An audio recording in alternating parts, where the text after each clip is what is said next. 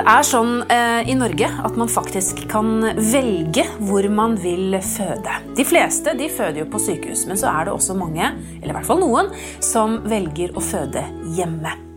Jeg er på besøk hos eh, privatpraktiserende jordmor i Ås, Anette Hegen Mikkelsen, og du kan vel si er ekspert på hjemmefødsler, Anette? Ja, hvis det går an å være ekspert på, på noe innen fødselsomsorgen, så er det vel helt opplagt jeg som har tatt imot flest barn hjemme gjennom årene de siste årene.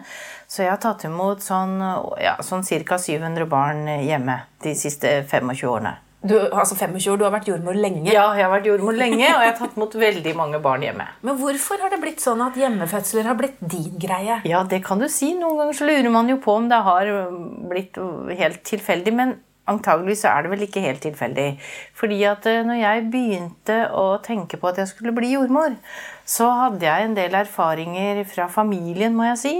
Eh, altså mine bestemødre og mødre som snakka ganske mye om fødsler og som var opptatt av at eh, fødsel var veldig naturlig. Og de fortalte mange fine historier om fødsler og, og, og faktisk det å føde hjemme også i gamle dager. Mm. Og da ble jeg som, allerede som liten jente ganske opptatt av at det gikk an, eller hadde en forståelse for at det gikk an å føde barn hjemme. Var det sånn at du ville bli jordmor allerede da? Ja, det tror jeg. Jeg har det, hatt det sånn at jeg alltid har eh, ønska meg å bli jordmor. Ja. Mm. Men så er det jo sånn i samfunnet vårt i dag at uh, det ligger vel ikke spesielt godt til rette for Nei. at vi skal uh, kunne føde hjemme. Men si man er gravid da, og ja. har i hvert fall lyst til å undersøke litt. Mm. Hvordan fungerer det? Mm. Ja, nå er det faktisk sånn at den man går til graviditetskontroller hos, skal si eller spørre deg om hvor ønsker du å føde. Og det har vi vel sett at uh, er noe som ikke skjer så ofte. Og da skal den som er eh, enten lege eller jordmor, eh, skal prøve å fortelle litt om det forskjellige tilbudet som fins for eh, fødselshjelp i Norge. Da. Og da er det jo store sykehus, små sykehus, hjemme. Alle, skal, alle, disse tingene bør egentlig nevnes innledningsvis. Ja, For i prinsippet så har vi valg? Ja, for vi har egentlig det. Og Eh, det skal være en differensiert fødselsomsorg i Norge. Det betyr at man skal ha mulighet til å velge fødsel på det nivået man syns man trenger, og ut fra et sånn trygghetsprinsipp. Da. Mm. Og da er det selvfølgelig også eh, medisinsk trygghet man snakker om, men det er jo også snakk om trygghet, den, den opplevde tryggheten. Ikke sant? Mm. Fordi det vil jo være noen som sier 'født hjemme'. Aldri tale om, det kan jeg ikke tenke meg. Mens andre igjen sier 'jeg har alltid tenkt meg at jeg vil egentlig helst være uforstyrra og være hjemme'. Men 700 eh, kvinner, eh, og det fødes 55 000 barn hvert eneste år. Det er jo ikke så mm. stor andel. Nei, og disse 700 vi snakker om, er jo over, en, ja, ja. over mange år. Ja, nei, altså Jeg tenker jo at man kan si at uh, hjemmefødsler får mye oppmerksomhet. Hvis man ser etter rundt omkring i det medisinske miljøet og ellers også, så er det ganske mye oppmerksomhet rundt valget og det å velge å føde hjemme, barn hjemme. Men eh, altså, det dreier seg om 0,02% eller noe sånt i løpet av et år. Altså 150-200 unger i løpet av et år da, som er født planlagt hjemme. Og det er jo veldig få, da. Ja, hva syns du om det? Nei, jeg syns det kunne godt vært flere, jeg, da. Hvis jeg nå skal få lov til å være så fri og tenke noen tanker høyt, så, så tenker jeg jo at eh, som eh, Altså, vi som mennesker er jo født til å føde eh, på de stedene hvor vi føler at vi opplever trygghet, for å si det sånn. Altså, det er jo ikke Det er jo ikke mm, det er jo ikke en medisinsk begivenhet, det å føde barn, i prinsippet. Men vi har jo hatt eh, Vi har jo mange diskusjoner rundt dette her i helse- og fagmiljøene. Rundt eh, hvor trygt er det egentlig å føde hjemme, da. Ja, hvor trygt er det da? Ja, Det som er rart med det, det er at hvis man studerer litt nøye de undersøkelsene og den forskning som er gjort rundt det, for det er faktisk en del seriøs forskning som er gjort på det, så viser det som en enkel konklusjon at det er trygt å føde hjemme i de landene hvor man har en god helsetjeneste. Hvis man har en erfaren jordmor, og hvis man har gjort en god seleksjon i framkant, så er det trygt å føde hjemme. Og det viser også tall eh, fra f.eks. en undersøkelse som en eh, jordmorprofessor har lagd, som heter Ellen Blikst. Og hun viser jo til at eh, hun har gjort en undersøkelse som viser at, at det sånn konklusjonsmessig er trygt å føde barn hjemme i Norge. Mm. Uh, og så er det vel land som har det som enda mer naturlig enn oss. Nederland, er ikke de ganske ja, gode på, på hjemmefødsler? Jo da, og, og så nære som også Danmark har jo et offentlig tilbud om å føde hjemme. Uh, og det er forskjellen. altså i, Både i Nederland og Danmark så er det en del av det uh, offentlige helsetilbudet for fødekvinner. Det at man kan velge å føde hjemme. Her i Norge så er det jo en privat virksomhet. Så det er ikke en del av det offentlige tilbudet. Men det er allikevel holdt på å si lovlig, eller ikke ja, sant? Ja, men det er kanskje bare litt mer organisering, da? Ja, det er en del mer organisering, og, og det er veldig mange myter og mange mennesker som mener og tror de kan en del om hjemmefødsel, som kanskje burde undersøkt tingene litt mer nøye. For jeg har møtt folk som sier ja, men er det lov da å føde hjemme? Og det er det da absolutt. Det er ingen som kan tvinge deg til å føde noe som helst sted hvis du har tanker om at du skal eh, Hvis du ønsker å føde hjemme, så bør man vel, for å si det enkelt, gå på nettet og se, søke på hjemmefødsel f.eks., og da vil man få opp mange jordmornavn. Og man vil få opp en del statistikk, og man vil få opp en del artikler om akkurat hjemmefødsler. Det er jo litt absurd at det mest naturlige saken i verden eh, ja. skal man på sykehus for å gjøre. Altså det ja. å føde barn. Ja, det, det er egentlig litt bakvendt. Mm. Jeg tenker at hvis jeg skal få være så fri nå og si, si, som jeg tenker, så er det vel egentlig sånn at jeg tenker at de aller fleste barn i Norge kunne faktisk vært født hjemme eller på små fødeenheter. Og så kunne man spart ressursene og, og helsepengene til de som trenger det spesielt eh, til, på de store institusjonene. Altså den spesialkompetansen som forholdsvis få egentlig trenger. Den kunne man gitt på de store sykehusene. da. Mm. Men er det sånn at du som eh, jordmor har noe spesial tilleggsutdannelse i forhold til det å hjelpe kvinner å føde hjemme? Nei, det har jeg ikke. Eh, og det fins ikke i Norge. Men eh, jeg vil vel si at det som er min basis nå, det er jo at jeg har mye erfaring med akkurat hjemmefødsler. Mm. Og det er sånn vi hjemmejordmødre lærer oss faget på et vis. Det er at vi lærer av hverandre. Eh, den som er ny som jordmor, vil jo gjerne da følge med en annen erfaren jordmor over et år eller noe lignende for å se hva det, dette her dreier seg om. For på jordmorskolen så lærer man jo ikke ikke noe om den spesielle delen av fødselshjelpa som har hjemmefødsler. Vi skal snakke mer om, eh, hvis du har lyst til å føde hjemme, hva du skal gjøre og hvordan det foregår med jordmor Anette Hegen Mikkelsen, men vi tar en bitte liten pause først. Ja, Vi snakker altså om hjemmefødsel, eller hvor du ønsker å føde. Ønsker du å føde på et eh, stort sykehus, en mindre fødestue, eller har du kanskje en drøm om å føde hjemme? Jordmor Anette Heggen Mikkelsen, privatpraktiserende i, eh, i Ås, bosatt i Ås. Du har altså tatt imot 700 barn hjemme. Ja, det har jeg. Du har vært i mange ja. forskjellige hjem, med andre ord. Ja, ja det har jeg. Ja.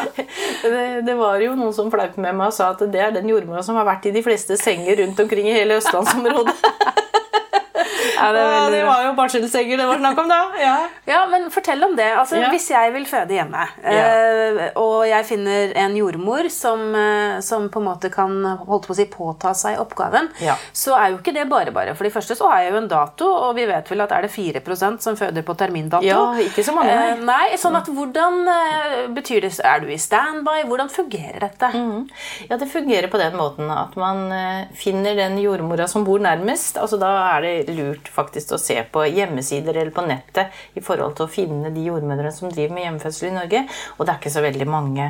Så eh, de fleste av oss, sånn som jeg gjør, drar jo ofte litt lange avstander for å hjelpe fødekvinner. Da. Hvor langt kan du reise? Hvis du, Nei, hvis du holder ja, til i Østfold, hvor, ja, hvor langt sant? kan du reise? Nei, jeg har jo vært i Brumunddal og Hamar og litt forskjellige steder. Jeg... Eh, det dreier seg jo om 1 12 til 2 timer, alt ettersom om du er førstegangsfødende eller flergangsfødende. Mm. Førstegangsfødende bruker jo gjerne litt tid på å føde barnet sitt, og hvis de sier fra i god tid, så rekker man jo godt nok fram, da, for å si det sånn. Mm. Men det har noe med sånn forsvarlighetsgrense i forhold til avstand. Og så kommer det jo an på om vedkommende da er langt unna sitt sentrale sykehus, eller hvordan det er. For hvis du bor eh, et sted hvor du er i nærheten av sykehuset ditt, og hjemmejordmora er langt unna, så er det jo ikke så farlig allikevel. For da kan du jo tross alt stikke på sykehuset og være der eller få hjelp der inntil du eventuelt hjemmejordmora rekker fram. Det har jeg vært med på en del ganger. At du blir liksom oppbevart på sykehuset til jordmora kommer fram. Men da har dere en avtale, ikke Ja, sant? Eh, ja for det er det det dreier seg om. Ja, og du er privatpraktiserende, så noe sier meg at dette er ikke helt gratis. Nei, sånn er det dessverre i Norge. Det er at jordmødrene de får betalt for den fødselshjelpa de yter. Altså, det er noe en takst som heter fødselshjelp inntil 24 timer, så da får man betalt for det. Men så må man jo eh, Selve fødselen får man betalt for. Men så må man jo gå i vaktberedskap og følge opp kvinnen i etterkant. Og det må altså denne fødekvinnen eller familien betale sjøl. Dessverre så er det sånn. Kan du si noe om sånn cirka hva det koster? Ja, altså det dreier seg om en sånn 8 10 000 kroner.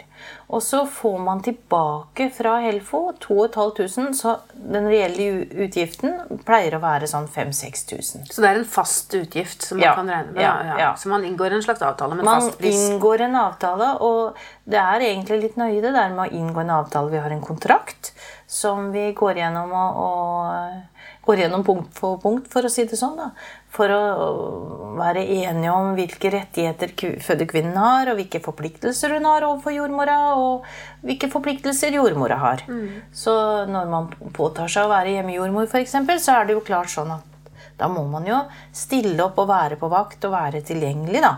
Altså Sånn at man ikke blir veldig syk eller noe. Så har jeg jo erfaring for at de aller fleste hjemmejordmødre de stiller opp og kommer seg av gårde og følger kontrakten veldig nøye, da. Så du bør jo egentlig være standby du, tre uker før termindato? Ja, noe sånn. Ja. 14 dager før og en uke etter, altså inntil man går på overtids- eller trivselskontroll på sykehuset, så er man jo da i vakt for, for denne familien.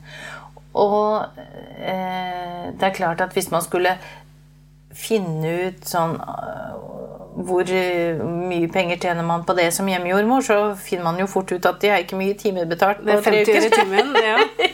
ja, så det, men, men jeg tror ikke Eller jeg har inntrykk av at hjemmejordmødre i Norge til nå i alle fall ikke har tenkt på den måten. Det har- er litt sånn idealisme i dette her. Da.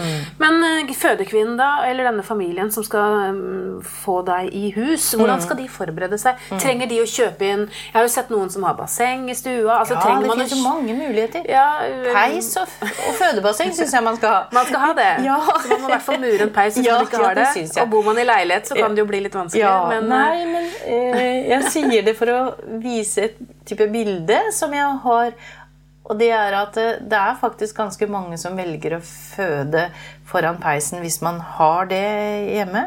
Og jeg har også vært med på at eh, man eh, monterer opp dette bassenget som man enten kan kjøpe på nettet, eller leie av noen av jordmødrene i denne jord, hjemmejordmorgruppa.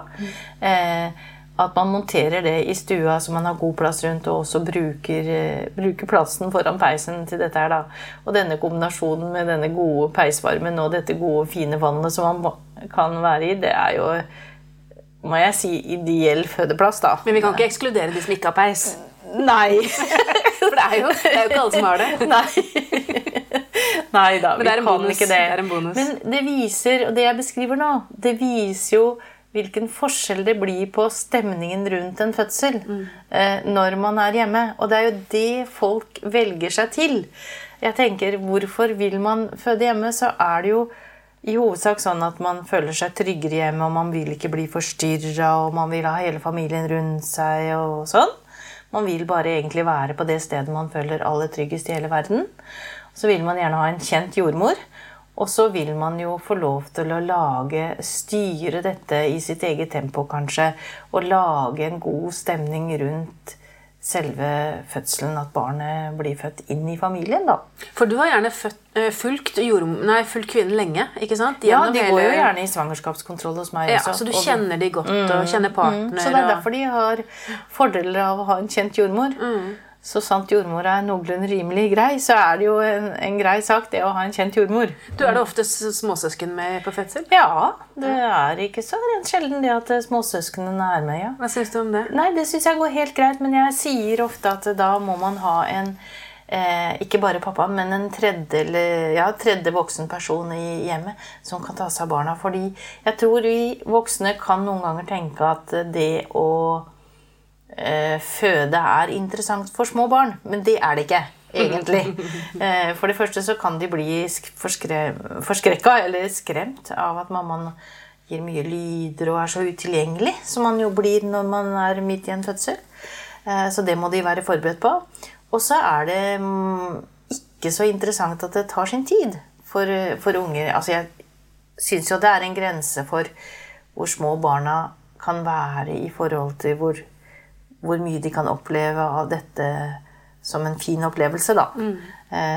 du kan si at er du tre, så tror jeg ikke det er noe poeng. Men hvis du er sju, åtte, ni, ti, og du er godt forberedt, så, så tenker jeg at dette kan være en fin opplevelse i livet. Kan skape et godt bånd mellom disse Ja, barna. det, det tror jeg absolutt. Men det fordrer jo at man har en annen voksen person der, mormor eller farmor eller noe lignende, som kan ta barna ut og avlaste og finne på noe annet underveis. Og, og så fordrer det jo at man eh, er litt forberedt på at mammaen og pappaen blir veldig opptatt av mest av alt. Og så er det vel sånn at du da, som jordmor, du, det er ikke sånn at du skal gå av vakt. Du blir der til det Nei, jeg blir der. Ja. Ja, jeg kommer Selv uansett hvor lang tid det ja, tar? Ja, ja, uansett hvor lang tid det er. Eller det tar, ja. Mm. For det kan jo dra ut. Og det kan ta sin tid. Ja. Så da må man bruke soldatmetoden, som jeg kaller det. Og det er at en god soldat sover og spiser når han kan. Ja. Og det betyr at man også som jordmor da rett og slett må Hvis man ser at nå det, kan man ta seg en pause, så går man på et eget rom eller finner en sofa og hviler seg litt. Og ellers også spiser når man kan, så man har nok energi. For eh, selv om det selvfølgelig er mammaen som i hovedsak gjør jobben, så er det klart at jordmødre kan jo også bli slitne. Så man må jo passe på seg sjøl i, i den situasjonen der òg. Ja, ja, ja. Mm. ja. Men så spennende, da. Mm. Har du inntrykk av at um, dette med, med hjemmefødsler er det, er det, Går det i bølger? Er det litt sånn trender? Ja, det gjør nok det. Eh, vi hadde en liten periode hvor vi kalte det for Märtha-effekten. Det husker jeg veldig godt. Ja, Märtha Louise, ja, prinsessen. Fantastisk bra at hun eh, fødte hjemme. Og det ga jo litt sånn oppblomstring i forhold til fokus på hjemmefødsler. Og også en del flere interesserte kvinner som ønsket å føde hjemme da. Nå kan vi jo ikke be Märtha Louise om å føde en gang til. ja, ja, kanskje vi kan det. Ja. Men Eh, andre kjendiskvinner? men andre kjendiser kan føde hjemme. Og det er jo ingen tvil om at hvis Det blir jo mye oppmerksomhet når noen som er eh, litt berømte, eh, føder hjemme, så blir jo vi andre oppmerksom på det på en litt annen måte. Men ellers så tenker jeg at det er vel egentlig faktisk Hvis jeg, hvis jeg ser det litt over, over tid, så er det vel ganske stabilt, tenker jeg. Med noen svingninger fra år om annet. Altså I 2015 og 2016 var det ganske mange. Nå har det vært litt mindre igjen. Men generelt så er det jo sånn at det fødes færre barn om dagen. Så da går jo det utover hjemmefødselsgruppa uh, også, også, i og for seg. Men jeg syns det er ganske jevnt og trutt de, eh, eh, det antall kvinner som velger å føde hjemme. Men så er det jo sikkert det spørsmålet du alltid får, da. Hva om noe uforutsett skjer? Ja, vi snakker om det. For det syns jeg jo er viktig. Og spesielt med pappaen eh, til stede også, så snakker vi om det. For han opplever jeg jo er ofte litt sånn Ligger litt etter i beslutningen i forhold til å føde hjemme. Det er ikke hans valg. Nei, det er ofte Noen ganger har jeg vært med på det. At pappaen sier «Ja, 'skal du ikke bare være hjemme', da? Men mest av alt er det jo mammaene som bestemmer det. Og da er det viktig å ta med alle pappaens bekymringer og ha en åpen samtale innledningsvis. Og det passer jeg alltid på. Å ha en åpen samtale med fødeparet før vi bestemmer oss endelig for at vi skal inngå en kontrakt i forhold til hjemmefødsel. Og så må vi jo si at det er jo ikke alle som kan få lov å føde hjemme. Nei, det er helt riktig. Det skal jo være en dame som er helt frisk øh, og fin i svangerskapet. Eh, Hun behøver ikke ha født barn før. Men hvis hun er førstegangsfødende, så syns jeg jo det er greit at hun har litt kunnskap om fødsel, og og kanskje hjemmefødsel i særdeleshet. Og så må det være ett barn. Altså det er ikke tvillinger. Føder man ikke hjemme. Og så må det barnet ligge med hodet ned. Og så må det bli født til terminen. Hva mener du med født til terminen? Ja, det er, det er, altså tre uker før eller to uker Eller altså det er ti-tolv dager etter. Altså, altså ikke premature? Vel, nei, ja. ikke premature, og ikke for overtidige. Ja, ja. Er det sånn at det egentlig er best å føde et barn med to eller tre hjemme? Vært liksom innom sykehuset først, eller? Ja, det er litt sånn både òg. Og det er et viktig spørsmål. Fordi at hvis du har en veldig negativ opplevelse fra første fødselen din, så har du jo det i bagasjen når du skal føde, da. Og da kan det hende at du er litt skremt, og at du, du kjenner på ja, at du er utrygg, at du er redd, at du er forskrekka og har følt deg overkjørt på sykehuset. Mm. Og at det kan være et litt negativt utgangspunkt. Men man har jo sett også at det er en del som velger hjemmefødsel som et fravalg, som vi har snakka om før. Eller det er egentlig et no, eh, svensk ord. Frånval. Altså hvor du velger deg fra noe. Og det er det nok sånn at uh, mange, i hvert fall før, valgte seg fra sykehus etter de erfaringene de hadde første gangen, til hjemmefødsel. Men så kan det jo være det at man har hatt en helt grei fødsel på sykehus, og kanskje ja. to, og man, og man har vært igjennom dette her og føler at ja, dette med føde barn er jo enkleste saken i verden. Ja, hva skal det, jeg på det sykehuset gjøre? Nettopp, dette kan jeg jo like gjerne gjøre hjemme. Ja, da er man jo i hvert fall trygg. Ja, og veldig fint utgangspunkt. Mm. Og mange som har opplevd at de føder veldig fort. At de ikke tenker at jeg kommer ikke til å rekke noe som helst sted. Mm. Så hvorfor skal jeg på dette sykehuset? Skal jeg bare innom der, da? Og så må jeg jo si at nå om dagen, når man har som rutine at man ønsker å um, sende kvinnene tidlig hjem òg Så hvis man skal være der en to-tre timer, for å overdrive litt nå, da, så hva er poenget? Å stresse nedover og kjøre bil lange avstander, som mange kvinner også gjør. Og ha veldig vondt når du kjører, og så kommer du så vidt innafor dørene, og så føder du barnet ditt, og så skal du hjem igjen etter tre timer. Mm. Det blir jo et, en helt annen ramme rundt en fødsel enn det det egentlig bør være, eller at eh, ja, en, altså det blir noe helt annet enn det man optimalt skal uh, ha i en fødsel. Mm. Ro og konsentrasjon. Men hvis vi skal oppsummere, da, eh, jordmor Anette Hegen Mikkelsen mm -hmm. eh, ja. Det er fullt mulig for de fleste eh, ja. å føde hjemme. Man må bare ja. gjøre litt research først. Ja, man må finne seg en jordmor som har mulighet til å hjelpe en på det tidspunktet en har termin. Eh, og erfaringsmessig så er det jo litt kinkig med disse sommerfødslene. For vi jordmødre ønsker jo også litt sommerferie.